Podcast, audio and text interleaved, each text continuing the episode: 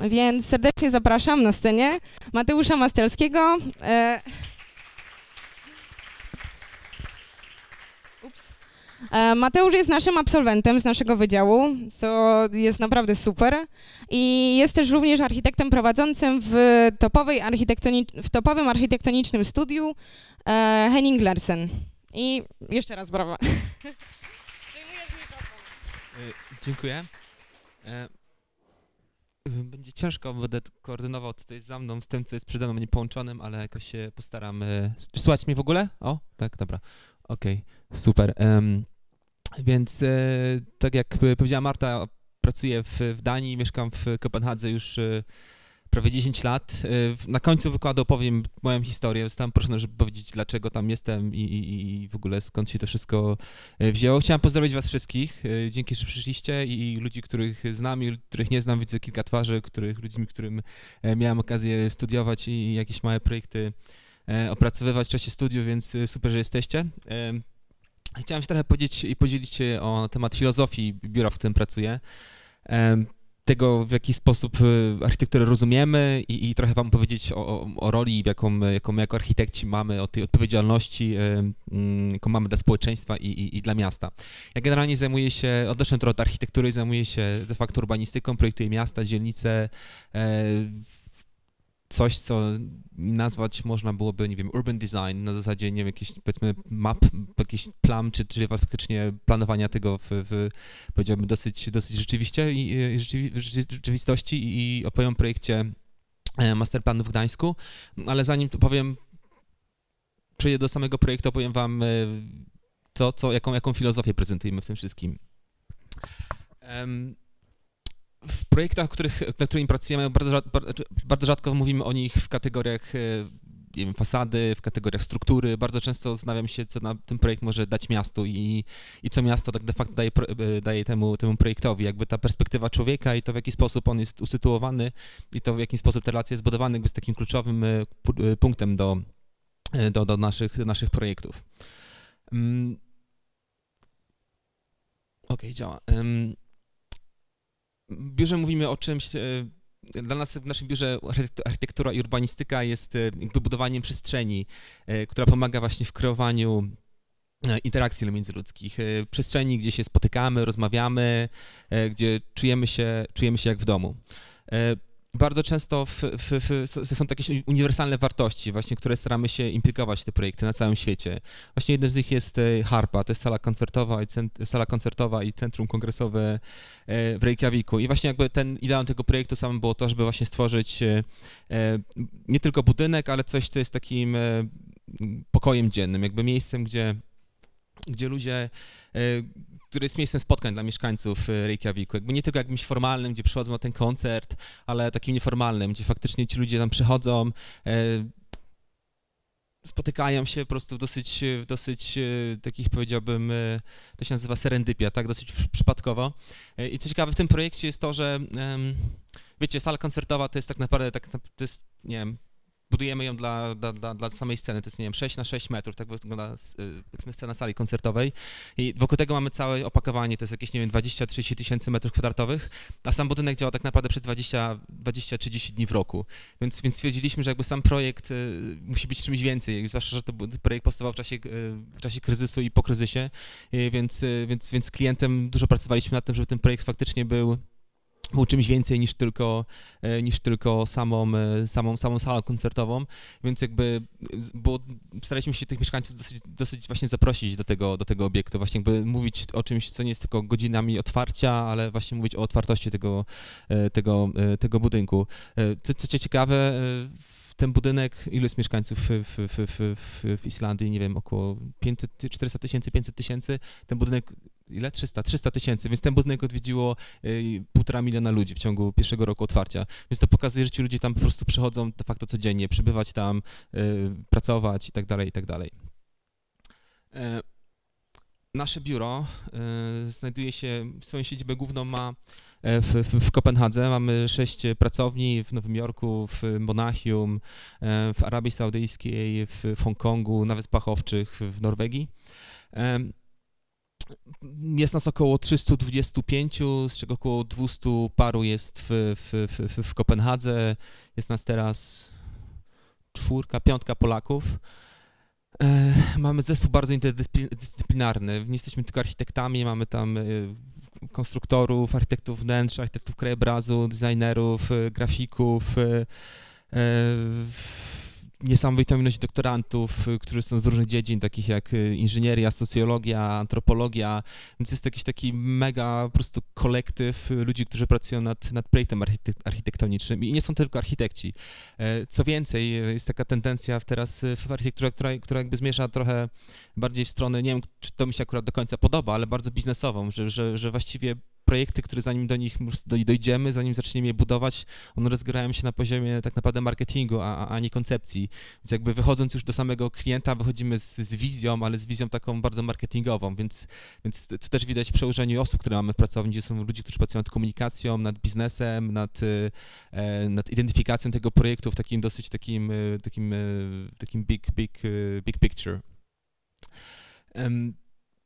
ale pomimo tego wszystkiego, powiedzmy tego, tej bardzo takiej e, inter, międzynarodowej, e, interdyscyplinarnej, międzynarodowego zespołu. Bardzo e, staramy się mieć ścisłą e, metodologię projektową, którą mamy w pracowni. Jakby do każdego projektu postaramy się podchodzić w sposób dosyć e, indywidualny i unikalny i bardzo duży nacisk kładziemy na to, żeby ten kontekst zrozumieć. Właśnie przez to, że jesteśmy biurem bardzo międzynarodowym, jakby tym bardziej jest to ważniejsze, że gdy projektujemy nie, w Arabii Saudyjskiej, w, nie wiem, w Afryce, w Stanach, ten lokalny kontekst zrozumieć. I, i zaraz wam powiem, w jaki sposób taki lokalny kontekst może zostać zrozumiany.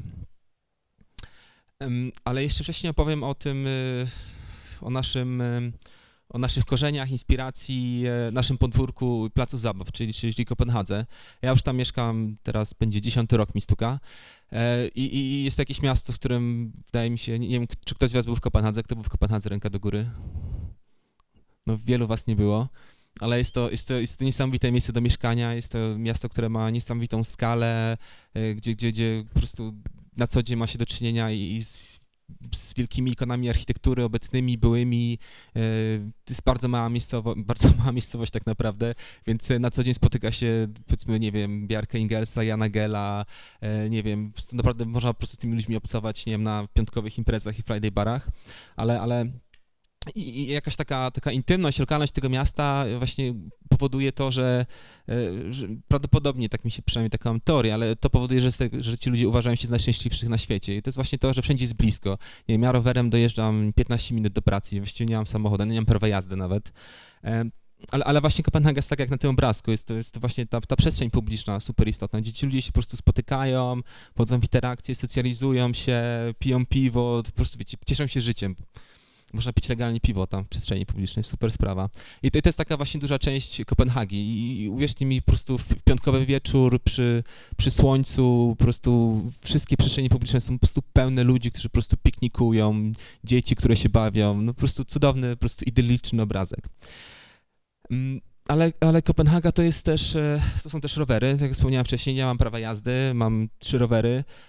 35% e, mieszkańców miasta używa używa roweru jako swojego głównego środka e, transportu e, a 40% używa transportu publicznego. E, teraz Kopenhaga jest taki gigantyczny projekt linii metra, tam są takie dwie linie, takie, takie dwa wężyki, teraz mamy taki wielki ring, właśnie żeby połączyć wszystkie dzielnice. I, i, I tak naprawdę pozostała reszta, to jest nie wiem ile tam, 20 e, parę procent używa, używa samochodów. E, I to są z reguły ludzie, którzy przyjeżdżają z suburbiów do, do centrów miasta. I, i co tyle istotne w Kopenhadze jest właśnie to, że, że jakby to centrum miasta jest bardzo, jest bardzo gęste i, i właśnie, właśnie jakby ludzie nie mają takiej dużej potrzeby właśnie wyjeżdżania poza suburbia i po prostu przyjeżdżania z powrotem do miasta. E, ale cały ten rower jest, wiecie, nie jest tylko taki dosyć E, pragmatyczny, ale jest trochę taki jak, nie wiem, w reklamie Nike, wiecie, taki po prostu zew wolności, po prostu jedziesz gdzie chcesz, nie musisz się martwić, gdzie zaparkować samochód, gdzie zapłacić po prostu, I, wiecie, i, i, jest to trochę śmieszne, ale, ale, ale, ale po prostu jakby wyobrażając sobie, ile pieniędzy jesteś w stanie zaoszczędzić, nie płacąc za samochód, podatek, miejsca parkingowe, to Duńczycy wolą sobie pojechać po prostu na fajne wakacje. Więc jakby to jest taki mniej więcej sposób myślenia, że taki dosyć, powiedziałbym, w tym wszystkim e, pragmatyczny. E, bo to jest po prostu tanie, no nie? I tyle.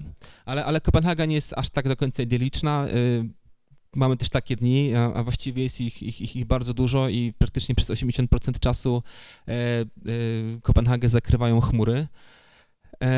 I, I, właśnie to jest taki, jakiś taki punkt wyjścia, którym się chciałem, żebyście też zastanowili, co to znaczy dla nas, y, dla architektów i, i, urbanistów. To znaczy to, że właśnie musimy ten lokalny kontekst zrozumieć I, i, właśnie to, że Kopenhaga rozwija się w taki sposób, taki właśnie otwartych przestrzeni publicznych, polega na tym, że przez te 20% czasu oni chcą to, to słońce i ten czas maksymalnie wykorzystać, bo mają go tak mało, nie?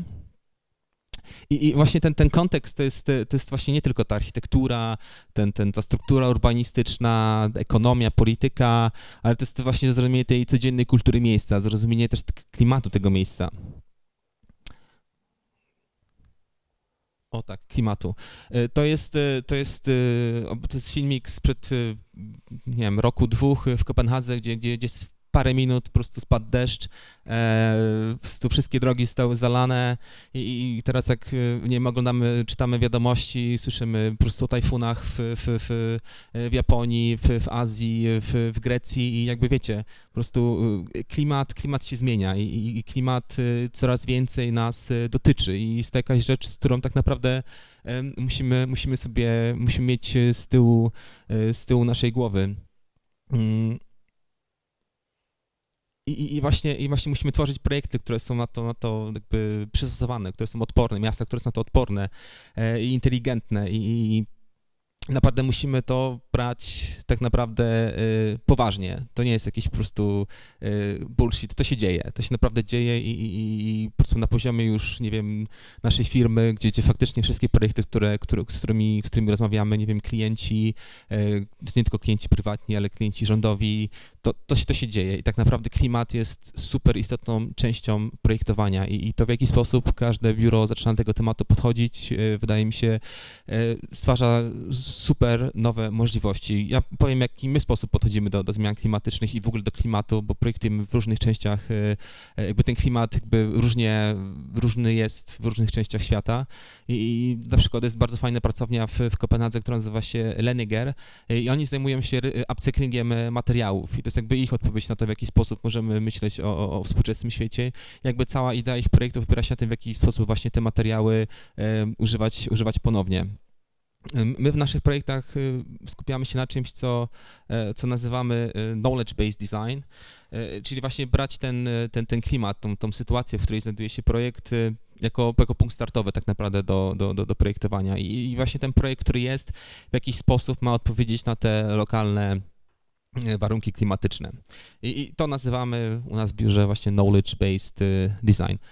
To jest, to jest projekt, jeszcze wrócę, to jest projekt Centrum Civic Center, Centrum Społecznego w, i, i ratusza w, w, w, Toronto, w takiej dosyć nowej, rozwijającej się dzielnicy. Nie wiem, czy ktoś był w Toronto. Toronto jest jednym z najbardziej rozwijających się miast obecnie na świecie. Są gigantyczne masterplany. Obecnie teraz pracuję nad dwoma wielkimi masterplanami. To jest jeden z projektów, który też tam wygraliśmy. E, typologicznie jest to projekt, który w jakiś tam sposób chce jakby przemyśleć na nowo, w jaki sposób właśnie współczesne mm, ratusze mogą zostać e, e, budowane i które nie są jakby, są czymś więcej niż tylko, niż tylko biurami. Ale, ale, ale punktem naszego wyjścia w tym projekcie było, było właściwie brief, który był dosyć, dosyć specyficzny, który powiedział, że Mm, ten plac, na którym stoi ten budynek, w 50% ma być e, tak na równo podzielony. Połowa to ma być plac, a połowa to ma być budynek. I, i myśmy po prostu przeprowadzili pierwsze analizy, w jaki sposób tam jest wiatr i, i stwierdziliśmy, że E, że, że ci ludzie po prostu w tym, tej przestrzeni publicznej nie będą, bo one po prostu tam jest zbyt duży wiatr, jest za zimno. E, nie wiem, czy macie, macie jakąś świadomość, w jaki sposób mikroklimat ma wpływ na to, w jaki sposób ludzie używają przestrzeń publiczną, ale ma i to dosyć znaczny, znaczący. E, więc myśmy stwierdzili, że ten projekt tak naprawdę musi w jakiś sposób zacząć kontrolować tą, tą, tą, tą, tą całą, ten cały mikroklimat i przepływ, przepływ wiatru, więc jakby cała to, cały ten sposób, w jaki ten budynek został, został zaprojektowany, miał właśnie chronić ten plac przed wiatrem, który, który przychodzi, który wieje e, ze wschodu. Więc to jest jakiś taki przykład analiz, które, które, e, które, które, które robimy przy, przy, przy każdym projektu, więc to nie jest też na takiej zasadzie, że to jakiś taki checkbox. Tak naprawdę jest jakieś narzędzie, które jest jednym z elementów, e, z elementów projektowych. Mm, więc więc właśnie więc wszystko polegało na tym, żeby właśnie stworzyć, stworzyć tą przestrzeń właśnie do tego, e, dla tego zewnętrznego e, e, komfortu, chronić tą, tą przestrzeń publiczną. I, I, tutaj na tym slajdzie właśnie widzicie, jaki, i to jest, to jest oczywiście jakoś dużym uproszczeniu, ale przez to, że blokujemy wiatr, to jest mega skomplikowane, tak jak się liczy, y, to się nazywa poczucie, y, mm, to się nazywa po polsku, perceived temperature, czyli temperatura, którą odczuwamy, tak, odczuwalna temperatura, czyli jest temperatura, którą jak stoimy, w, nie wiem, w, na polu, na podwórku, jak to się mówi, e, na, na, na dworze, na dworze. E, to jest temperatura, którą wpływa, e, którą wpływa natura, temperatura powietrza, wiatr, wilgotność, to, co mamy ubrane na sobie, E, jeszcze kilka innych parametrów, których nie pamiętam, nie jestem inżynierem, znaczy w sumie to jestem po uczelni, e, ale, ale, ale, ale jakby tym najważniejszym czynnikiem jest, jest wiatr. I on ma jakby, jest to jedyny, jeden, z, jeden z niewielu czynników, które możemy kontrolować oprócz, oprócz światła. Więc wyobraźcie sobie w, w, w, na normalnej ulicy w Toronto e, shoulder seasons, to jest, to jest jesień, i, e, jesień i wiosna, czyli są sezony, w których się nakłada e, na siebie e, jakieś, wiem, kurteczkę i to się nazywa shoulder seasons. Jakby jakby analizując to, w jaki sposób możemy zmienić jeszcze klimat, mówiąc już bardzo inżynieryjnie, inżynieryjnie jakby nie jesteśmy w stanie zrobić y, lata chłodniejszego, a nie jesteśmy w stanie zrobić zimy y, cieplejszej, ale jesteśmy w stanie stworzyć ten, zwiększyć ten, zwiększyć komfort właśnie w shoulder seasons. Więc w tym projekcie zwiększyliśmy go około 4-6 do 6 tygodni, czyli ludzie przez 4 do 6 tygodni mogą przebywać w tej przestrzeni publicznej dłużej, korzystać z niej, ze sklepów, które tam są i tak dalej. Więc w tym przypadku na ulicach Toronto jest ta odczuwalna temperatura, nie wiem, wiosną jest 4 stopnie przy tym wietrze. A, tylko samo przez to, jak myśmy ułożyli te bryły, to ta temperatura zwiększyła się o 14 stopni. Czyli wyobraźcie sobie, nie wiem, jak, to jest tak jak jesteście w górach, no nie? Jak jesteście w górach i świeci słońce, nie wieje wiatr i mimo tego, że jest zimno, czujecie, że jest w miarę ciepło, możecie zdjąć, zdjąć kurtkę. Więc, więc to jest jakaś taka, taka strategia, którą my wykorzystujemy właśnie po to, żeby stworzyć te, te przestrzenie publiczne e, bardziej komfortowymi. I, i jakby, jakby co za tym idzie, to pomaga nam planować, e, e, pomaga nam e, ułożyć program w budynku, bo jakby naturalnym jest, że skoro mamy przestrzeń publiczna, w której wiemy, że będą ludzie, ponieważ ona jest ochroniona od, od, od, od wiatru, jest na stronie słonecznej, więc jakby te wszystkie, wszystkie programy, które są związane właśnie z, z ludźmi, mogą tą, tą, ten plac tak naprawdę zintensyfikować, więc one wszystkie zostały zlokalizowane właśnie w parterach wokół tej przestrzeni publicznej, a, a, a przestrzeń biurowa jakby tylko ten po prostu domeka to wszystko i jakby chroni od, od, od wiatru. To jest e, wizualizacja jakby tego, tego, tego, tego serca tego projektu, tego multifunkcjonalnej przestrzeni publicznej, która jakby może być używana przez, e, przez, przez cały rok i jakimś takim gadżetem projektowym, który tutaj był właśnie, to jest e, wejście do budynku, którą jest council chamber, nie wiem, jakaś sala, sala spotkań Rady Miasta, która właśnie jakby pokazuje gdzie jest wejście tego budynku, więc jakby też też jakby, tak wydaje mi takim gestem staraliśmy się pokazać, że jakby tą, tą, tą otwartość też instytucjonalną pomiędzy, pomiędzy miastem a, a, a społeczeństwem. E, I oczywiście jest nasz greenwashing, e, ale, ale, ale, ale tutaj też był taki w dużym zamierzeniu e, bo to pewnego rodzaju manifest, który chcieliśmy zrobić w, w, w, w, Toronto. E, nie wiem, czy byliście w Kanadzie, ale oni mają bardzo podobny porę roku do Polski, więc oni mają niesamowitą, złotą, e, kolorową, czerwoną e, jesień i, i przepiękną wiosnę, prawie jak w, Japonii, więc jakby ta zieleń po prostu przez cały rok po prostu zmienia, zmienia swoje natężenie, zmienia swoje barwy, więc w jakiś sposób chcieliśmy to wszystko podkreślić też w, architekturze i w przestrzeni publicznej. Teraz przeskakujemy trochę innej skali. E, niestety nad tym projektem nie pracowałem, pracowałem nad innymi projektami w Arabii Saudyjskiej, ale o których niestety nie mogę mówić i, i nie mogę ich pokazać. Ten mogę pokazać, więc e, opowiem o swoich doświadczeniach z, trochę z Arabii Saudyjskiej i to w jaki sposób tam się projektuje, na przykładzie właśnie e, projektu finansowego dystryktu Kinga Abdullaha. E, jest to projekt, który jest zrealizowany. E, jest to jeden chyba z największych projektów, jest to największy projekt, który dostał certyfikację e, chyba LEDową, LEDową, tak mi się wydaje, w 2011 roku. Projekt Projekt właściwie cały został oparty o tym, w jaki sposób stworzyć komfortowe warunki na samym środku pustyni. To brzmi lekko abstrakcyjnie, ale ale, ale, ale w jaki sposób nam się, nam się udało. E, w Arabii Saudyjskiej jest coś, co się nazywa, e, w ogóle w, w krajach arabskich, co się nazywa wadi. E, wadi to, jest, są, to, są, to są rzeki, które są czasowe, właśnie bardzo często tam są takie silne burze, gdzie jest, gdzie jest po prostu bardzo dużo wody, więc w krótkim czasie po prostu tworzą się, tworzą się różnego rodzaju cieki wodne, które są mega zielone i to jest niesamowity kontrast. Po prostu macie pustynię, nagle macie po prostu zieloną oazę i znowu jest pustynia. Więc jak myśmy szukali tej współczesnej interpretacji e, tej, e, tej łady i, i, i, i, zrobić coś, co, co wydawało nam się e, w Arabii Saudyjskiej dosyć trudne, ale, ale zrobić, zrobić miasto, które jest dla ludzi. Więc tak naprawdę klient nas przyjechał, nie wiedząc co chce, e, więc przez trzy miesiące cały zespół podróżował po całym świecie, oglądając różne przykłady po prostu najnow, najnowszych po prostu rozwiązań urbanistycznych w Stanach, w, w Azji. Po prostu przez trzy miesiące po prostu było mnóstwo podróż, e, podróży i po prostu szukając inspiracji do tego projektu.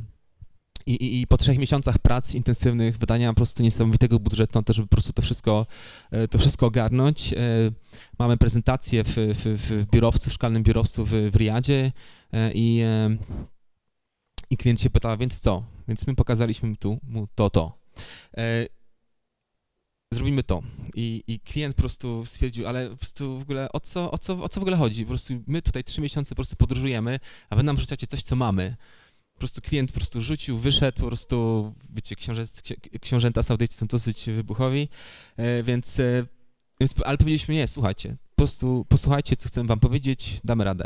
Więc jakoś go udobraliśmy, książę wrócił, i, i, I, powiedzieliśmy mu właśnie, a w ogóle nie wiem, czy wiecie, ale Arabia Saudyjska jest e, krajem, w którym ludzie cierpią na niedobór witaminy D.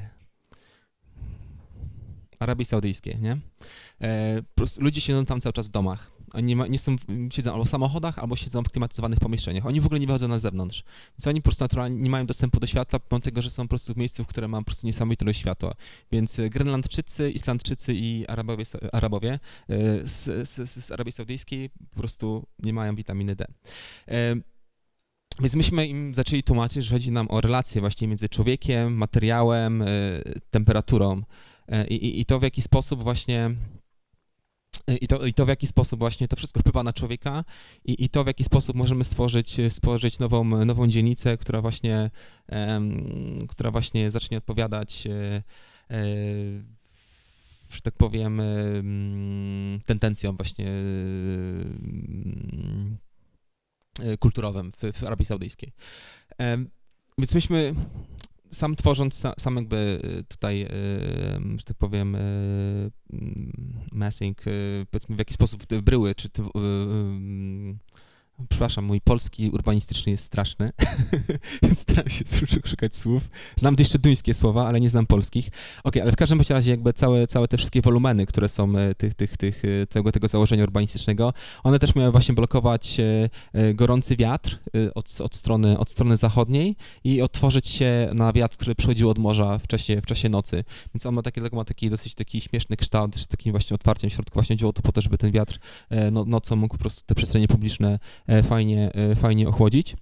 E, I co było dosyć ciekawe, jakby ta działka przez to, przez to, że jakby ta infrastruktura tam nie jest, w sensie tam wszystko jest, wszystko jest spedestrianizowane, mm, tak naprawdę każda działka ma dosyć dobrą komercyjną wartość, bo ona każda jest skierowana albo do drogi, albo do, czyli tam na zewnątrz, albo do Wadi. Więc z, z perspektywy tak naprawdę czysto marketingowej mówimy, powiedzieliśmy klientowi, że każda działka jest dokładnie taka sama i każda działka jest istotna. Co jest dużym problemem właśnie z masterplanach, że zawsze tworzymy jakiś pewien rodzaju front i pewnego rodzaju back. No w tym przypadku nam się stworzyć coś, co jest, wszystkie działki po prostu mają po prostu front. Um, więc zbudowaliśmy to, stoi to i, i, i wiadomo, wiecie, zawsze, zawsze mówimy, zawsze mówimy y, po prostu wielkie słowa, że ach, po prostu y, tu jest 50, a my zrobimy, że po prostu będzie u was 42, no nie? W jakichś badaniach po prostu powinno wyjść, że jest ok. Więc y, to się nam udało zrealizować, więc wysłaliśmy naszych, więc właśnie wysłaliśmy naszych doktorantów po to, żeby to zbadali, czy faktycznie udało nam się tą temperaturę obniżyć. Więc myśmy obiecaliśmy, że obniżymy ją o 4 stopnie. E, okazało się po, po, po badaniach, że obniżyliśmy ją prawie od 8 do 10 stopni, co oznacza, że, że, że, że na pustyni w, w Riadzie, w Riadzie macie około 52 stopni, jest, jest, jest cieplej niż, niż na pustyni przez, przez asfalt, on się nagrzewa bardziej, a, a w naszym, na naszym Wadi właśnie udało nam się uzyskać 42 stopnie. To 42 stopnie w Arabii Saudyjskiej jest całkiem spoko, można być normalnie w przestrzeni publicznej, jest ok. Więc e, tak to, tak to mniej więcej wygląda. Jeszcze niektóre, niektóre budynki są w, w trakcie realizacji. W Arabii Saudyjskiej buduje się bardzo ciężko i generalnie nie jest to jakiś rynek, który, który jest um, łatwy, e, też kulturowo. E, ale, ale, ale, ale się dzieje i jest też kilka budynków, które myśmy tam e, zaprojektowali, ale, ale też dosyć istotne jest tego rodzaju projektach urbanistycznych właśnie, że ten jeden architekt nie robi wszystkich budynków, więc chodzi o pewnego rodzaju właśnie różnorodność i architektoniczną i ideową, więc myśmy zrobili tylko kilka budynków, a architekci z całego świata e, projektują, projektują kolejne. Tak to wygląda obecnie. I, i, I, dla klienta wydaje mi się, że, że to był dosyć dobry, dobry projekt z tego względu, że e, no marketing, marketing, marketingowo odniósł dosyć duży sukces i wszystkie budynki zostały sprzedane i większość już jest w budowie, więc jakby tą, tą, tą taką silną ideę, którą, którą mieliśmy jakby od początku tego projektu, udało nam się właśnie powiązać z tą, z tą, z tą częścią e, marketingową, co, co wydaje mi się, że, że, że podczas studiów jakby sobie w ogóle nie zdajemy sprawy, że jakaś taka rzecz po prostu jak to, że klient musi na swoim projekcie zarobić, że po prostu istnieje coś takiego jak pieniądz, budżet, wydaje mi się, że to jest coś, co, co, jakby w ogóle nas nie, nie ogranicza wydaje mi się, że dobrze, ale, ale, ale, ale, ale, ale to jest i, i bardzo często właśnie większość rzeczy, które, nad którymi my pracujemy, jest to w jakiś sposób przekonać po prostu klienta do, do, do często bardzo, bardzo szalonych y, y, pomysłów. Kolejny projekt, którym powiem, to jest projekt, w którym pracowałem. Y, jest to projekt stoczni w, w, w, w, Szczecinie, w, Szczecinie, w Gdańsku. E, jest jakieś miejsce, w którym, w którym ja sobie się zakochałem. E, przyjechałem tam pierwszy raz, pamiętam, na, na Osce w 2006 roku i mieliśmy tam, tam, nie wiem, czy ktoś był kiedyś na Ossie. Ktoś teraz jest Ossa w Łodzi. Ktoś był na Ossie, ręka do który był na Ossie. Jedna osoba. Parę było. Więc e, no, więc e, jak tam byłem, to stwierdziłem, że to jest jakieś jedno z trzech miejsc, które bym w życiu chciał przeprojektować. E, to jest właśnie stocznia, kopalnia i jeszcze plac przed, przed Pałacem Kultury. No, przynajmniej jedno się udało w jakiś sposób. I, i, I, wiecie, nie wiem, czy ktoś był kiedyś w Gdańsku, czy ktoś przesadzał się stocznią, ktoś się przesadzał stocznią. O, dobra, mamy kilka miejsc. Nie, to jest po prostu magiczne miejsce. Jest jakieś miejsce, gdzie się w unikalny sposób właśnie łączy, łączy historia, kultura i, i jest to, jest to wydaje mi się dosyć e, ideowo mocne, mocne miejsce. I, I, myśmy ten projekt robili wspólnie z, z, z biurem e, z Warszawy BGK, e, które robi, zrobiło Muzeum Katyńskie z Przeszczą 4 i, i z gdańskim biurem A2P2. Nie wiem, czy ktoś zna A2P2, ktoś zna BBGK. Jak nie znacie, to poznacie, wygooglujecie sobie. W każdym razie świetni ludzie, świetnie się z nimi pracowało przez, przez cały proces. E, działka znajduje się tutaj. Kto nie był w Gdańsku, teraz może stanie sobie to zwizualizować. Stocznia nie jest nad morzem, stocznia jest nad, y, nad rzeką, a właściwie martwą rzeką, martwą Wisłą. Więc stocznia i, i, i, i, miasto przechodziły lepsze, gorsze momenty, ale, ale w jakiejś takiej synergii żyją grubszo, z, z grubsza ze sobą ponad, ponad, ponad 100 lat. Ktoś jest w ogóle z Gdańska? Jest ktoś z Gdańska? O, mamy gdańszczanina. E, jak będę mówił e, rzeczy, które się, się nie zgadzają, możesz mnie poprawiać. E, więc sam projekt jest hiperkontekstualny. Jest po pierwsze, jeżeli chodzi o, o, nową dzielnicę, jest, jest, jest w fatalnym miejscu. Po pierwsze jest wyeksponowany na północ, więc jakby cały waterfront jest zwrócony na północ. wiecie, no jest taki dosyć charakterystyczny urbanistyczny układ, taki, taki, taki linearny, który jest też fatalny, bo tak naprawdę on jest zwrócony w kierunku wiatru, więc nie dość, że nie mamy słońca, mamy po prostu wieczne, wieczne ulice. E, do tego wszystkie budynki muszą być zachowane, ponieważ są na liście e, na liście, e, na liście zabytków. I, I, jakby, wiecie, po prostu było mnóstwo pytań, jak, właściwie w jaki sposób połączyć to z, z, z, miastem, w jaki sposób stworzyć atrakcyjne przestrzenie publiczne, w jaki sposób w ogóle połączyć nowe ze starym, w jaki sposób je skomponować ze sobą.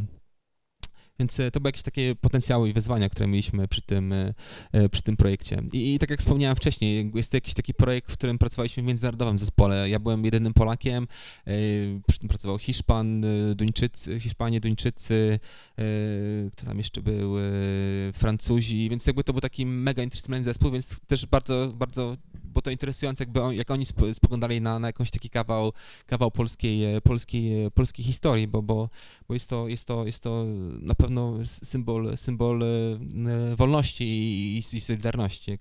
Więc jest to jakieś miejsce super ważne dla nas i, i dla naszej historii i jakby patrząc jeszcze z, już z innej perspektywy, jest to jeden z nielicznych e, e, w Europie, e, jedno z nielicznych w Europie założeń stoczniowych, które jakby zostały zachowane w dosyć, w dosyć dobrym, do, oryginalnym stanie tak naprawdę.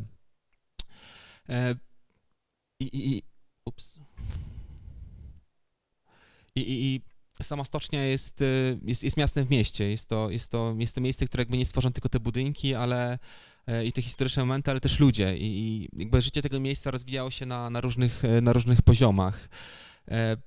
E, I dosyć istotne było właśnie zrozumienie tego, co znaczy to, to miejsce, jaka jest jego kultura, tradycja. Jakby to, to właśnie stanowiło dla nas punkt wyjścia, właśnie potraktowanie historii tego miejsca jako, jako katalizatora.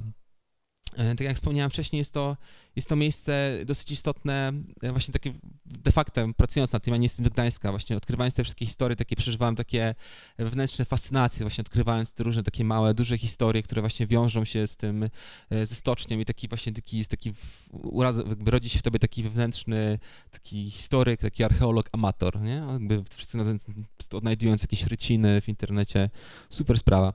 E, ale jakby to pomaga zrozumieć, jak, jak, jak, że każda, każde miejsce ma jakąś swoją niesamowitą historię i, i, i super jest, jeżeli ta historia jest w jakiś, jakiś sposób kontynuowana i, i jak, jak spojrzymy w, wstecz w urbanistykę, w historii urbanistyki zawsze coś było budowane na, na, na, na bazie czegoś kolejnego. Bardzo rzadko kiedyś przyjeżdżały buldożery i po prostu mówiły, że teraz będzie tak. Więc, więc dla nas bardzo było super naprawdę istotne po raz kolejny, połączyć to nowe ze starym i, i znaleźć pewną, e, pewną logiczną kontynuację w, w wszystkich działaniach, które, które w Gdańsku się e, e, rozwijały.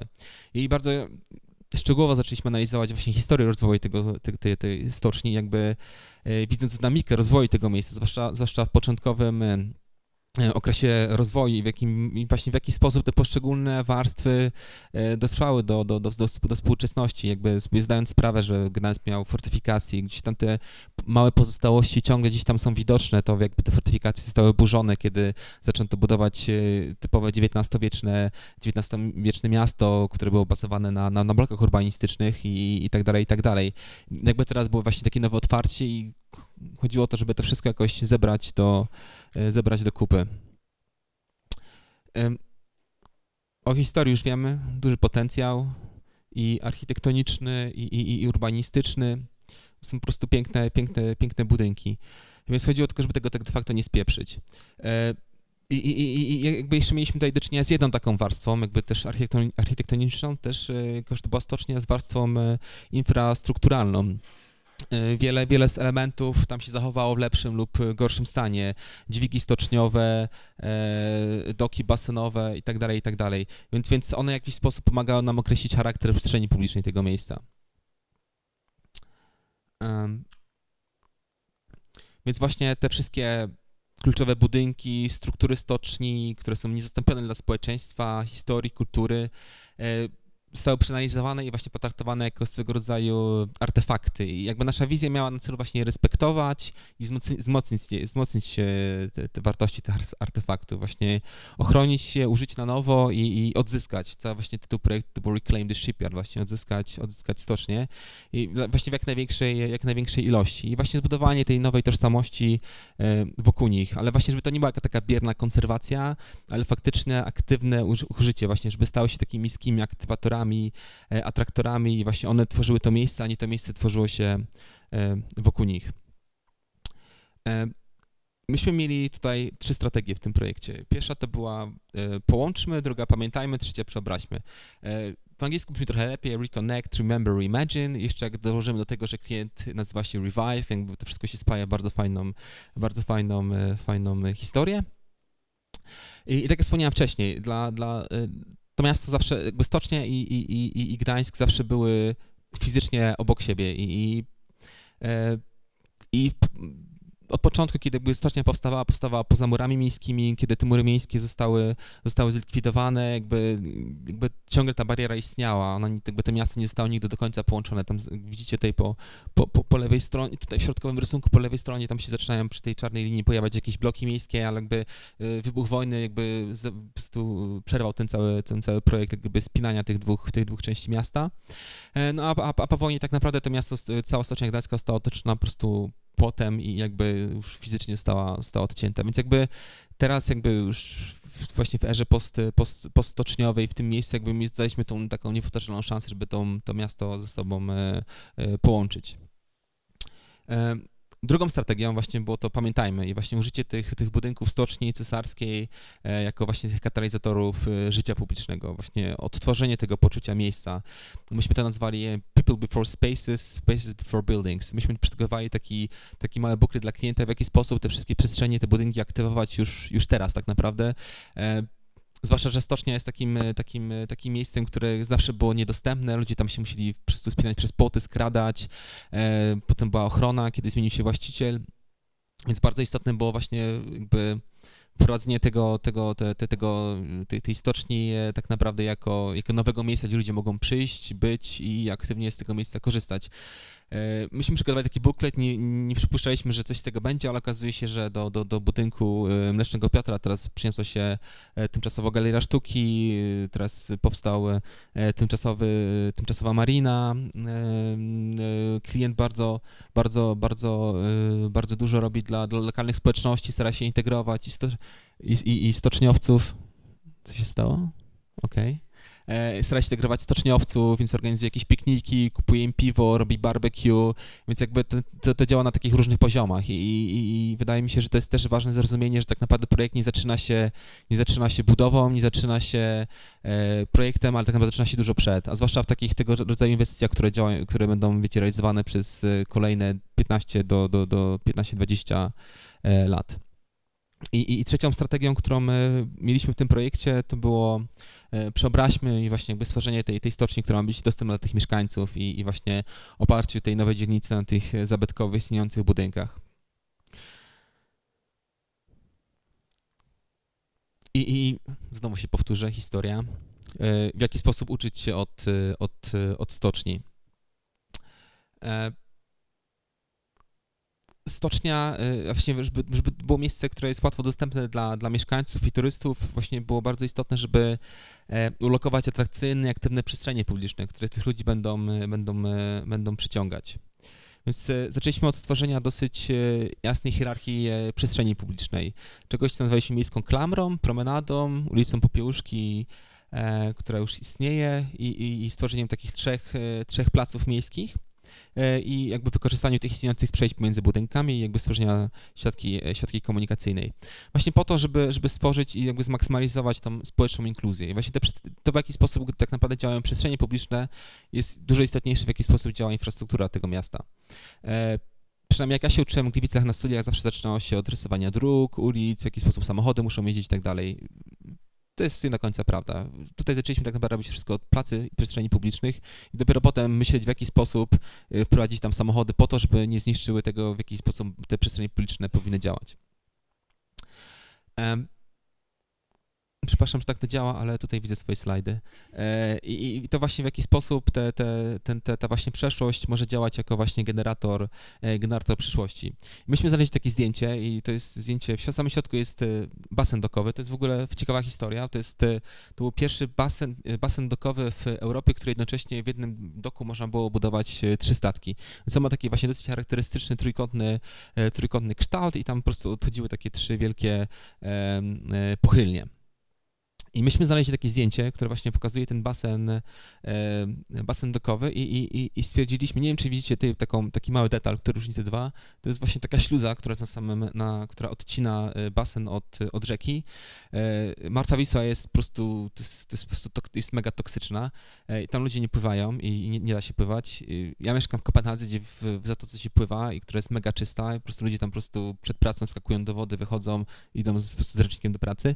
Więc myśmy, myśmy chcieli zrobić taką małą namiastkę właśnie tego, że żeby zacząć korzystać z, z wody w, w, w, w, Gdańsku, więc chcieliśmy, chcemy, chcieliśmy właśnie domknąć ten, ten dok jak na tym zdjęciu i właśnie umożliwić właśnie przyszłym użytkownikom Stoczni Cesarskiej właśnie korzystać z, z, z dobrodziejstw wody, pomimo tego, że po prostu mieszkałem nad wodą, nie mogłem z niej korzystać, poza tym, żeby na nią patrzeć. Więc to jest jakaś po prostu wizja, w jaki sposób to miejsce mogłoby wyglądać. Bardzo się inspirowaliśmy właśnie Kopenhagą, to w jaki sposób właśnie to miasto otwiera się na wody, w jaki, w jaki sposób z niego, z niego korzysta. Więc to była taka pierwsza kluczowa przestrzeń publiczna. Druga to jest właśnie mm, plac przed budynkiem e, dyrekcji. Jest to też dosyć ciekawe miejsce, ponieważ jeżeli mogę go zlokalizować na mapie, o, to może być tutaj widoczne. On jest na samej, e, na, po stronie wschodniej, jak, nie, jak wychodzicie, jest e, Centrum Solidarności i sala BHP, więc to jest taki, taki, taki, taki teraz taki po zarośnięty plac. Ale ten plac był bardzo istotny w, w czasach stoczniowych, ponieważ był to jedna, jedna z największa otwarta przestrzeń, przestrzeń w na terenach stoczni, gdzie stoczniowcy podczas strajków e, spali. Więc dla nas bardzo było właśnie istotne zachowanie tego właśnie, tego, tego jako takiego miejsca też pamięci, ale tego, że jest, jest to jakieś miejsce, które jest, e, które może być otwarte. I zaproponowaliśmy jakąś tam po prostu przestrzeń, która jest wielofunkcyjna i, i tak dalej. E, I teraz, co ciekawe, jest prowadzona pierwsza faza projektu. Ją kontynuuje BBKK i oni teraz właśnie projektują tutaj cztery budynki. Ktoś dzwoni? Odbierzemy? Czy już czas mi się skończył? Nie mam jeszcze zły. Nie jest zły. Ok, ja będę kontynuował. I jakby taką trzecią, ostatnią kluczową e, przestrzenią właśnie było odniesienie do, do czegoś, co się nazywało Mlecznym Piotrem. To było takie fajne, e, jeszcze przed II wojną światową miejsce w, w na mapie, na mapie, y, na mapie Gdańska, gdzie po prostu była, jak to się nazywa, y, kawiarnia, y, a jeszcze wcześniej była tawerna, nie, jak to się nazywa. Okej, okay, okej, okay, zapomniałem. Mniejsza z tym, ale, ale, ale, właśnie, ale właśnie, właśnie ten budynek Mlecznego Piotra, który jest jakby jedyną pozostałością po, po stronie, to się nazywa Mariny. Jakby tak właściwie, jakby tutaj zobaczymy to z tych budynków, jedynym, który teraz istnieje, to jest właśnie ten budynek Mlecznego Piotra. To jest ten tutaj. E, cała reszta budynków stoczniowych już obecnie jest e, zburzona, łącznie z tym, z tym dokiem, który tutaj się znajduje, więc myśmy ten dok też chcieli odtworzyć się dosyć fajnie zachował, on jest tylko przysypany ziemią. To był, to był dok, który został, który jest e, ostatnią pozostałością właśnie po jeszcze, jeszcze, jeszcze fortyfikacjach, chociaż to nie była część fortyfikacji, ale zaraz jak fortyfikacje e, zaczynały być e, tworzone, tam właśnie naturalnie woda, woda była po prostu, ciek wodny był. A, a po, w czasie II wojny światowej tam został zrobiony dok dla, dla ubotów, więc jakby ten duży budynek, który, ta hala, w niej właśnie budowano uboty w czasie II wojny światowej. Um, więc myślicie właśnie stworzyć y, miejsce dosyć zielone, właśnie jakby y, nawiązać do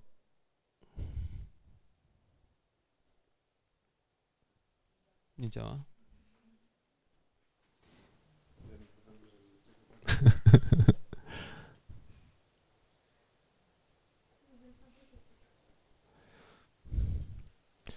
Historia, historia, historia.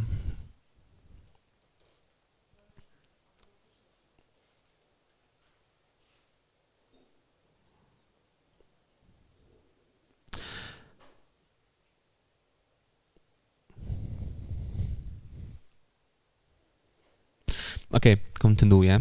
Um, więc e,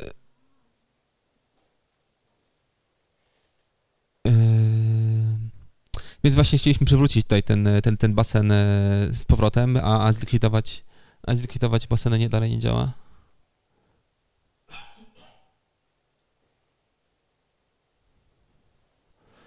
A ja mogę stać, mogę sobie manualnie dawać postoje, bo już mi plecy bolą.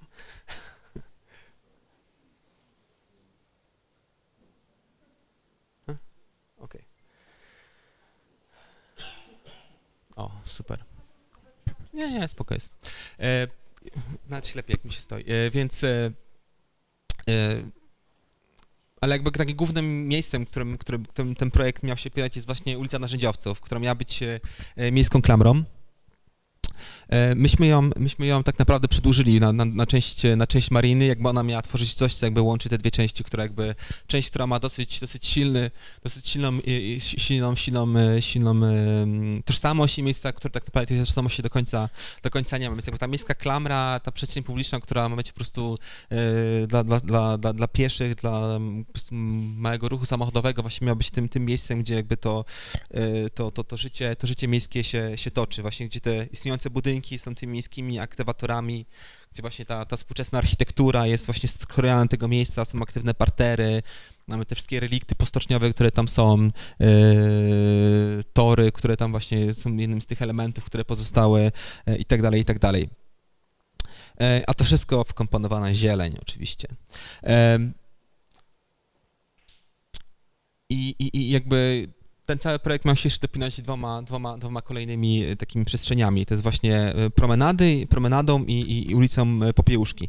Promenada jest o tyle, o tyle istotna, że jakby ona tworzy silne połączenie przynajmniej w założeniu, w strategii miasta, tworzyć silne połączenie właśnie między, między Starym Miastem a, a terenami stoczniowymi i właśnie otwierać e, całą stocznię na, na wodę i właśnie tworzyć taką różnorodność e, e, w, w, w, w skali.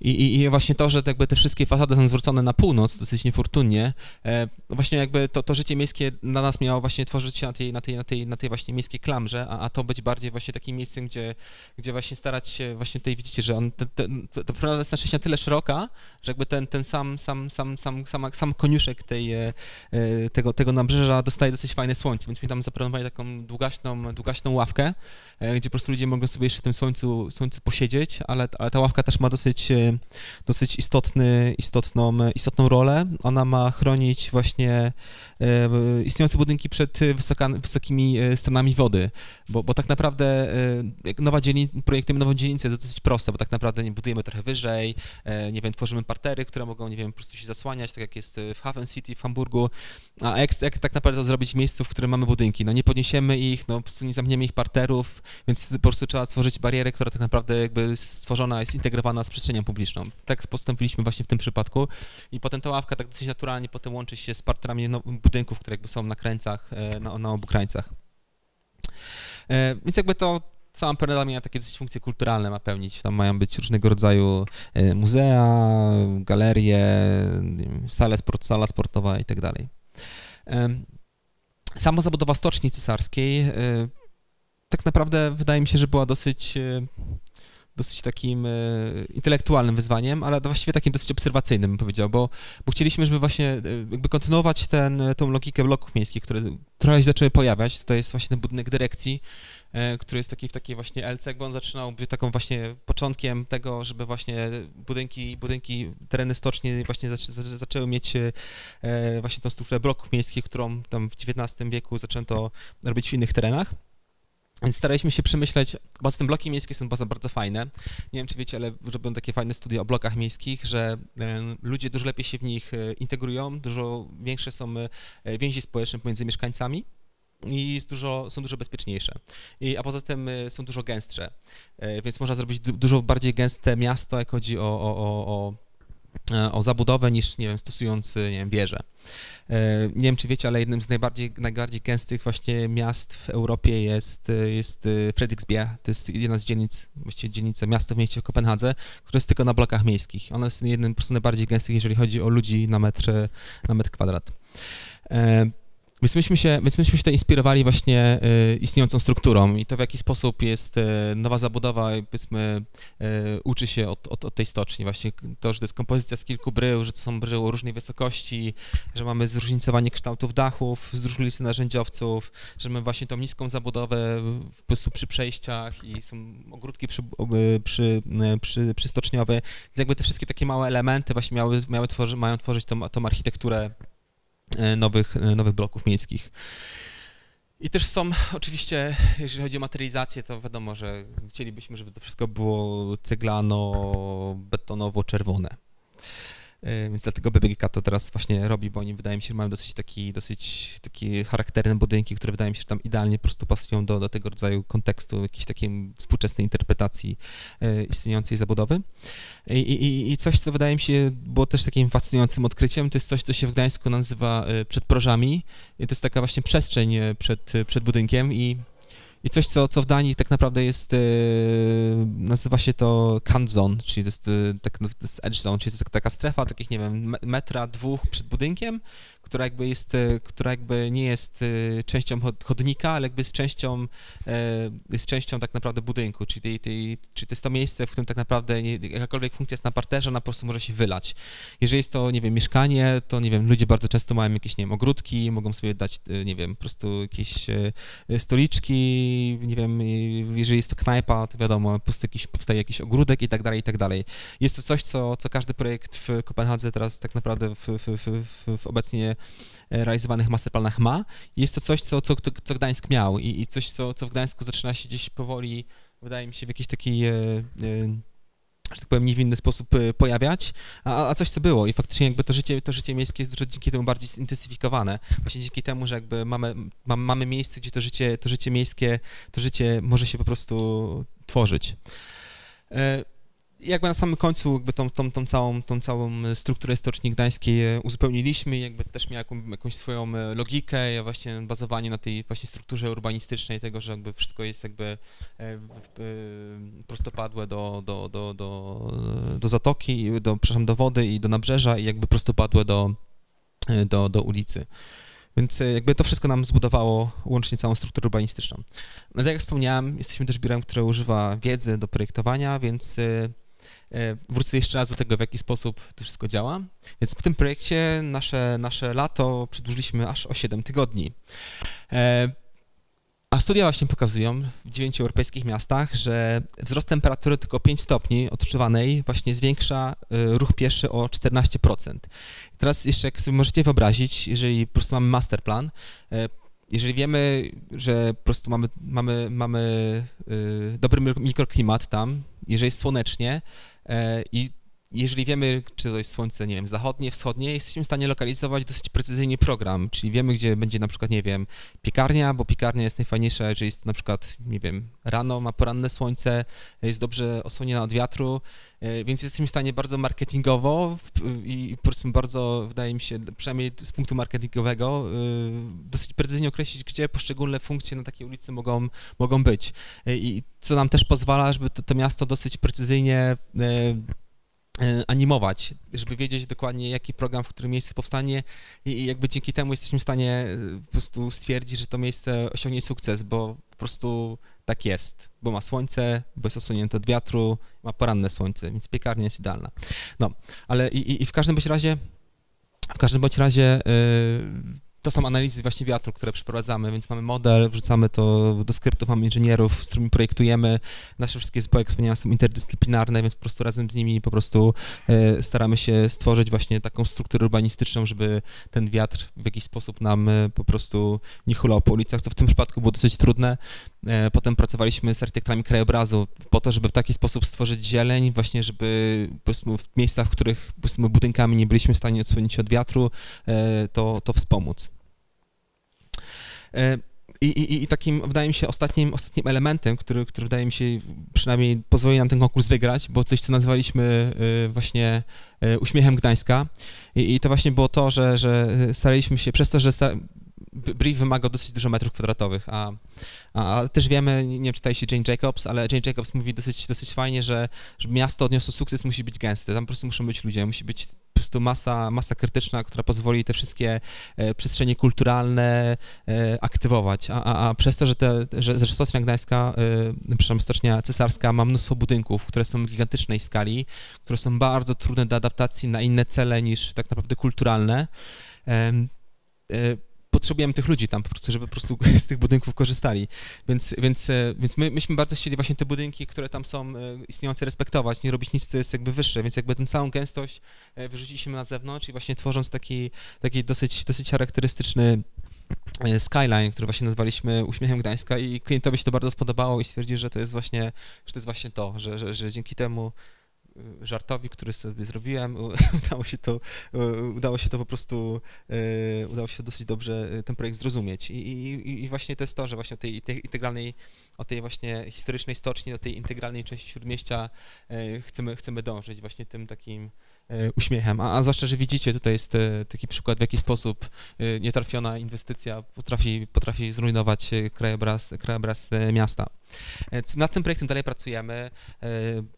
To jest jakaś, jakaś wizja, którą, którą przedstawiliśmy, która tak naprawdę teraz do, do, doszczegóławiamy, jaki, jaki program tam ma być, jakie budynki są, w której fazie mają być realizowane, więc, więc tak naprawdę ten, ten rzut, który, który przygotowaliśmy, tak naprawdę dynamicznie się, dynamicznie się zmienia i, i, i teraz mamy kolejne warsztaty z konserwatorami, z ludźmi z, z z, z, z NID-u, jakby ten cały proces e, nadal się, nadal się kontynuuje. I mm, o czym chciałem jeszcze opowiedzieć w tym projekcie, wydaje mi się dosyć, dosyć to jest makieta, którą, którą przedstawiliśmy. E, jest to, w jaki sposób nad tym projektem pracowaliśmy i, i, i wydaje mi się, że to jest, to jest, to jest fajna, fajna sprawa, w jaki sposób e, e, cały proces może zostać przeprowadzony kolaboracyjnie i to jest przynajmniej z mojej perspektywy coś, co na studiach jakby w ogóle nie istniało. Jakby to jest rzecz, której dla mnie przynajmniej osobiście wydaje się było też strasznie trudno nauczyć tego, że tak naprawdę każdy ma głos i szef nie mówi, co mam robić. Ja sam muszę stwierdzić, co mam robić i każdy koncept wygrywa. Najlepszy koncept wygrywa, przepraszam. E, więc, więc e, w naszej, naszej pracowni mamy tak, że e, nie wiem, jeżeli to jest, nie wiem, praktykant i przyjdzie po prostu świetnym pomysłem, to, to go robimy, bo, bo jest po prostu lepszy, no nie? Więc jakby nie, nie ma czegoś takiego, powiedzmy, nie ma, nie ma tak naprawdę hierarchii w biurze. I, I, wydaje mi się, że w tym projekcie też było fajne, e, pracując z BWK i, i, i A2P2, że, że jakby pracowaliśmy, e, pracowaliśmy wspólnie nad tym wszystkim, więc nie było czegoś, co, co myśmy narzucali, czy, czy nie wiem, któryś z moich szefów, czy któryś z partnerów, ale, ale faktycznie wspólnie, wspólnie dążyliśmy do, do, do, do celu, ale, ale też wydaje mi się, jest, jest bardzo istotnym, że jakby to nie jest tylko, wiecie, praca, to jest e, jakiś, przynajmniej dla mnie to jest jakiś, jakiś lifestyle, więc, więc super ważne jest to, żeby się faktycznie integrować w takim zespole i żebyśmy byli na jakimś takim dosyć dobrym poziomie zrozumienia i mieli podobnego mindsetu I, i, i wiem, że w tym projekcie myśmy naprawdę przez trzy dni tak dosyć ostro, ostro, ostro walczyli o tym, o tym, w jakim kierunku ma ten, ten projekt pójść i tak naprawdę to było breakthrough. To był ten moment, kiedy zaczęliśmy pić piwo, kiedy doszliśmy do wspólnego porozumienia, w którym kierunku ten projekt ma, e, ma podążyć. Ja jeszcze zostałem poproszony o to, żeby powiedzieć o, o, o tym e, trochę o mnie, o mojej historii, e, więc e, ja zaczynałem tak naprawdę u, u Jerzego Wojewódki, który tutaj wszedł, więc to była taka moja tak naprawdę pierwszy, pierwszy taki mistrz i taka pierwsza, pierwsza, pierwsza nauka, więc ja już idąc na pierwszy rok tak naprawdę wiedziałem, kim jest Jean Nouvel, Dominique Perrault i tak dalej, więc jakby też, też wydaje mi się ten jakby poziom, poziom zrozumienia był jakby dużo mi ułatwił. Ja nie jestem w ogóle z rodziny architektonicznej, po prostu jestem, tata jest górnikiem, wiecie, po prostu jest to, jest to coś, co nie jest takie łatwe, kiedy na przykład nie jesteś w Danii, kiedy ludzie, którzy tam po prostu pracują, mają ten kapitał kulturowy naprawdę, naprawdę wysoki, e, więc jakaś taka, jest jakaś taka rzecz, której naprawdę trzeba, wiecie, dać po prostu mega dużo ciężkiej pracy. Więc ja potem e, miałem krótkie praktyki w, w, w KWK Promes, e, odbyłem jeszcze krótkie praktyki w, w Meduzie, Pracowałem i było, było cudownie. Pewnie jakbym nie wyjechał do Danii, to bym został w Meduzie. Było fantastycznie, świetni ludzie I, i, wydaje mi się, że jakby szukając, szukając swojego miejsca gdzieś w tym świecie architektonicznym, y, y, ważniejsze dla mnie często było z jakimi ludźmi pracuję, jaki jest po prostu, jaka jest atmosfera w zespole, niż, niż to, jakie, jakie projekty są, są realizowane. Y, pracowałem też z Romkiem Rutkowskim, to jest jego dom. E, wydaje mi się, to był jakiś kolejny mój nauczyciel, który, który gdzieś pokazał mi o, o tym, w jaki sposób architektura może być e, konceptualna. E, co ciekawe, myśmy pracowali zawsze przez Skype'a. On mieszkał w Wrocławiu, mieszkałem w, w, w Gliwicach, więc to była jakaś taka, używaliśmy nowych technologii i wydaje mi się, że dosyć nam to dobrze wyszło. Romka poznałem na, na Oscie i, i to jest, wydaje mi się, jakieś takie, przynajmniej na mojej drodze, mojej drodze architektonicznej, to wydaje mi się, było jakieś, e, jakieś tak, to się wszystko tak, wiecie, to się tak wszystko nakłada tak naprawdę. I, i wydaje mi się, że Osta była jakimś takim momentem, gdzie jeszcze pamiętam, jak z, z, z, z Jerzym Wojewódką pojechaliśmy na pierwszą Ostę moją, to było w 2005 roku do Wrocławia i, i, i przyjechaliśmy tam i e, przynajmniej tylko przyjechać na jeden dzień i zostaliśmy tam cały tydzień, myśmy tam żadnego stępniaka w ogóle nie wysłali. I pamiętam, po prostu przychodził Robert i, i Robert mówi, to zostańcie, wszyscy tutaj zostają, więc myśmy zostali. E, przyszedł potem Gaweł, który był szefem OSY i po prostu powiedział, co wy kurde tutaj robicie, po prostu w ogóle nie płacicie, po prostu żadnego wstępniaka, po prostu nie? Ale po prostu przed Robert powiedział, nie, nie, niech zostaną. Więc zostaliśmy i, i, ja potem zostałem, ja potem zostałem prezesem OSY przez 6 e, lat, więc e, wydaje mi się, że, że, że warto, że mnie zostawił Gabeł wtedy. E, I, I, zorganizowałem warsztaty w OSY w Gliwicach w 2007 roku i, i wtedy poznałem Klasa Vandermolena, zaprosiłem go i, on, strasznie chciałem pojechać do MVRDV. Nie udało mi się pojechać, bo musiałem brać jakąś praktykę, ale ale jeszcze w międzyczasie nastąpiło coś takiego, EASA. E, na osie poznałem kogoś z EASY i, i pojechałem na EASę. I to zdjęcie znalazłem przypadkowo dzisiaj w internecie szukając, e, więc e, osoba z lewej strony, taki, taki łysawy pan, to jest chłopak, który mnie zatrudnił do KOBE, jak, jak byłem, aplikowałem na praktyki. I, I, wiecie, po prostu mamy po prostu przegląda portfolio on po prostu patrzy, hej, byłeś na ASie, w, w, wiecie, tam jest 450 studentów, więc się nie kojarzy ludzi. Byłeś na, na ASie w, w? Ja mówię, no tak, byłem. Wiesz co, ja też byłem. I nagle się okazało, że jednak się poznaliśmy i piliśmy piwo i, i wiecie, po prostu wydaje mi się, że to jest jakaś taka kolejna rzecz, która jest super istotna, jest to, że naprawdę budujcie po prostu networki, budujcie po prostu, brzmi to mega korpo, ale po prostu to, jakich ludzi znacie, naprawdę wam nie wiecie, kiedy po prostu możecie ich spotkać. Po prostu tego chłopaka znalazłem jeszcze dzisiaj w internecie, potem go spotkałem po prostu pięć lat później. Więc wydaje mi się, jest jakaś taka rzecz, która jest wydaje mi się, warto w nią inwestować. E, co ciekawe, ten, ten chłopak tutaj po prawej stronie z takim e, z, z blond włosami e, teraz projektuje meble dla, teraz ostatnio projektował dla chyba Beyoncé. Wiecie, to są jacyś ludzie, których tam spotykacie po prostu N lat temu, okazuje się, że oni po prostu robią po prostu mega fantastyczne rzeczy i po prostu mega, mega fajnie, mega fajnie po prostu potem mm, egzystują. Więc ja się przeniosłem do Kopenhagi w 2007 roku. Jeszcze w międzyczasie zaliczyłem krótki epizod w Rotterdamie. Po, po, po półtora roku praktyk w Kobe stwierdziłem, że jednak chcę pojechać do, e, do, do MVRDV, więc tam się, tam się dostałem. Tam przez pół roku e, e, praktykowałem godzinowo, pracowałem prawie rok. Mój osobisty rekord to było 20 godzin w tygodniu. E, ale to był taki, taki, taki, taki, taki dosyć intensywny czas i wydaje mi się, że każdemu z was polecam, jeżeli kiedyś będziecie szukać praktyk, właśnie pojechać do, do, do takiej e, dosyć e, intensywnej pracowni, bo wydaje mi się, tam naprawdę się można dosyć wielu rzeczy nauczyć. Nigdy tam nie chciałem zostać, nie miałem takich ambicji, żeby w tym, tym biurze pracować. To jest po prostu, wydaje mi się, trudna sprawa, jeżeli chodzi o, życie społeczne ale, ale na pewno przy projektach, które tam pracowałem, po prostu wiecie, to jest w ogóle inna skala i, i inna, in, inna rzecz, a, a poza tym Winnie, Mas, Jakob, Natalie to są po prostu um, ideowo, konceptualnie, to są naprawdę po prostu niesamowici ludzie. I, i potem się wróciłem do Kobe i to jest jeszcze jak e, Kobe było w, na Papirun, no i już teraz przenieśli. Tam pracowałem prawie 4 lata.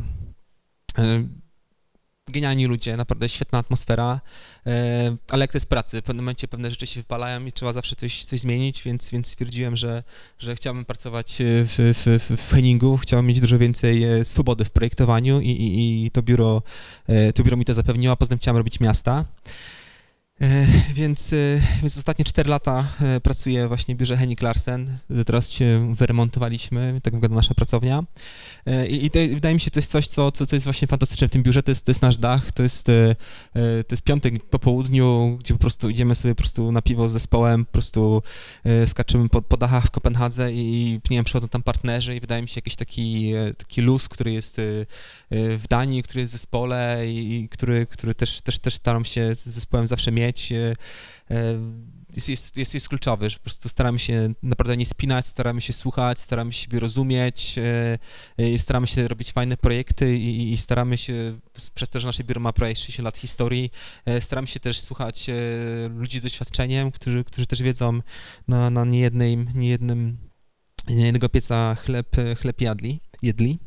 I, I na koniec taki przygotowałem taki diagram, który pokazuje jak odnieść sukces w architekturze i, i tak naprawdę polega to na 90, wydaje mi się, nawet 5% pracy, e, talencie, ale nie na takim stopniu. Znam wielu ludzi, którzy byli mega utalentowani, a wydaje mi się, że może nie osiągnęli tego, co, co, co mogliby osiągnąć i, i na szczęściu. I, I, wydaje mi się, że przynajmniej z mojej perspektywy tym, temu szczęściu staram się pomóc właśnie ciężką pracą i, i, i wiecie, też, też zdając sobie sprawę, że jesteśmy z, z, nie wiem, nawet konkurując z ludźmi, którzy są z najlepszych uniwersytetów na świecie, nie wiem, z Yale, po prostu z Bartlett, żeby po prostu, nie wiem, ich wiedzy, ich temu po prostu, wiecie, z jakimi oni nauczycielami miałem do czynienia, naprawdę jest jest, jest, jest przepaść, niestety jest przepaść między tym wszystkim, jak oni rozumieją architekturę, to, co oni robią po prostu projektowo, y, to jest, to jest zupełnie inna bajka. To, to w jaki sposób się uczy architektury na KDK w Kopenhadze, to jest w ogóle jakieś po prostu, po prostu naprawdę po prostu 5 lat, po prostu jakiejś fantastycznej przygody, y, gdzie po prostu naprawdę chętnie się po prostu tam po prostu studiuje, gdzie to jest po prostu jakaś mega, mega przygoda, gdzie, gdzie z mojej perspektywy wydaje mi się, że ja, ja się przyznam, że ja po trzecim roku studiów e, przestałem chodzić na zajęcia, po prostu chodziłem na praktyki, nie byłem pilnym studentem, studentem, e, ale, ale wydaje mi się, że właśnie to pokazuje, że, że, że, że przynajmniej w moim wypadku taka droga, taka droga e, odniosła, odniosła sukces e, i, i nie wiem, czy wam ją polecił, nie wiem, każdy wydaje mi się ma jakąś swoją, swoją własną drogę. Ale, ale, ale, ale szczęściu trzeba, trzeba pomóc, a wydaje mi się, że, że to jaki jest poziom też rywalizacji w naszym biznesie i, i tego, jak wielu ludzi ma, ma fantastyczny talent i, i, i, i też tak dużo pracują, to jest jedna rzecz, ale, ale są, są inne jeszcze predyspozycje i, wydaje mi się, że przynajmniej w moim biurze jedna z najważniejszych jest po prostu bycie fajnym i sympatycznym I, I, tak naprawdę, jeżeli po prostu zatrudniamy też ludzi w naszej pracy, są to ludzie, którzy chcemy, żeby po prostu, wiecie, z nimi się po prostu przyjemnie było, bo z nimi spędzamy często 24 godziny e, na dobę. Czasem spędzam z moimi kolegami po prostu i koleżankami z pracy więcej czasu niż, niż z moją żoną, więc, więc to są ludzie, z którymi naprawdę po prostu musimy nadawać naprawdę na tych samych falach i naprawdę musimy sobie po prostu wierzyć, wiecie, po prostu prawie jak na wojnie, jak po prostu czasem iść z karabinem, więc, więc e, na sobie mega polegać. E, więc e, wydaje mi się, to jest jakieś mega wszystko skomplikowane, w jaki sposób po prostu to wszystko po prostu gdzieś się znaleźć, tu gdzie ja się znalazłem. Wydaje mi się, jakiś splot szczęśliwych wypadków to, e, to sprawił i wydaje mi się, to jest, polecam wam przygodę, polecam na pewno pojechać za granicę, polecam wam po prostu spróbować pracy w różnych pracowniach i, i, i pewnie robienia tego, czego w czym wy się odnajdujecie. Ja się, ja robię dużo architektury, dalej robię architekturę, ale stwierdziłem, że ktoś, co bym chciał robić, to są, to są, to są projekty miast i, i, i urbanistyka e, i, i wydaje mi się, że to jest jakaś rzecz, której w której, w której się odnalazłem, ale której pewnie e, edukacja architektoniczna w Polsce w ogóle mnie nie przygotowała. Tak naprawdę to jest coś, co, co, co wziąłem z doświadczenia, a, a coś, ja rozmawiałem z studentami, nie wiem, z drugiego, trzeciego roku, z dobrego zachodniego uniwersytetu, oni to po prostu, oni to już wiedzą od razu. Ja naprawdę muszę dalej spędzać czas, nie wiem, czytać książki i dalej się edukować, więc wydaje mi się, że jest to jakiś taki e, taki, wydaje mi się, mały przytyczek do, do, do, naszej edukacji, ale wydaje mi się, że on nie do końca przystaje temu, co się obecnie dzieje na, na, na świecie, w, w, architekturze i, i i zwłaszcza w, w, w, w zwłaszcza wydaje mi się obecnie i, i, i, wydaje mi się, że, że życzę Wam dużo szczęścia i powodzenia i, i zapraszam Was do, do, do, do, do naszej pracowni. Jeżeli e, chcielibyście przyjść na praktyki, to, to możecie wysłać do mnie portfolio, nie wiem, znajdziecie mój adres na stronie, więc e, Was też chętnie zapraszam do, e, do, do, do, do przygody ze mną i, i, i z projektami, nad którymi pracujemy w, w Kopenhadze. Więc tyle z mojej strony. Jeśli macie pytania, to, to bardzo chętnie z wami teraz mogę przedyskutować. Wydaje mi się, że jeszcze mamy czas, więc jeżeli coś macie, chcecie mi zapytać, to służę odpowiedzią. Dziękuję.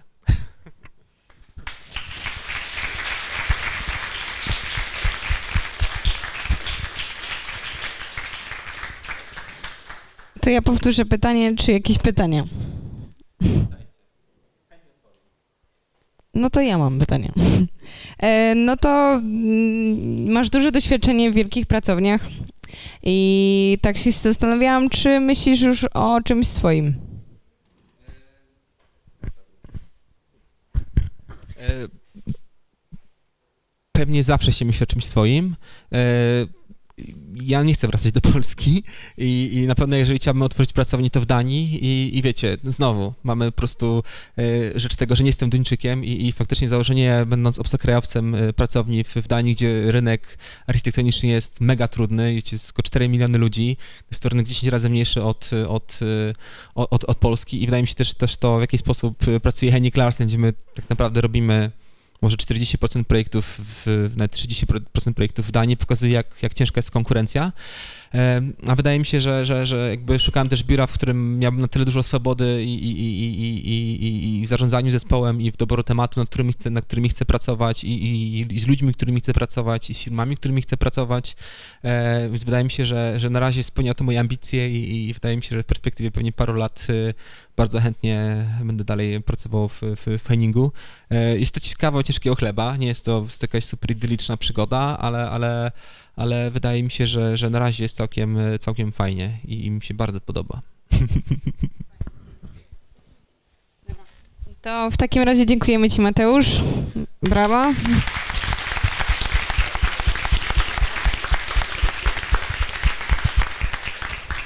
No i zapraszamy Was na kolejny wykład za miesiąc, około. No, dzięki. Cześć.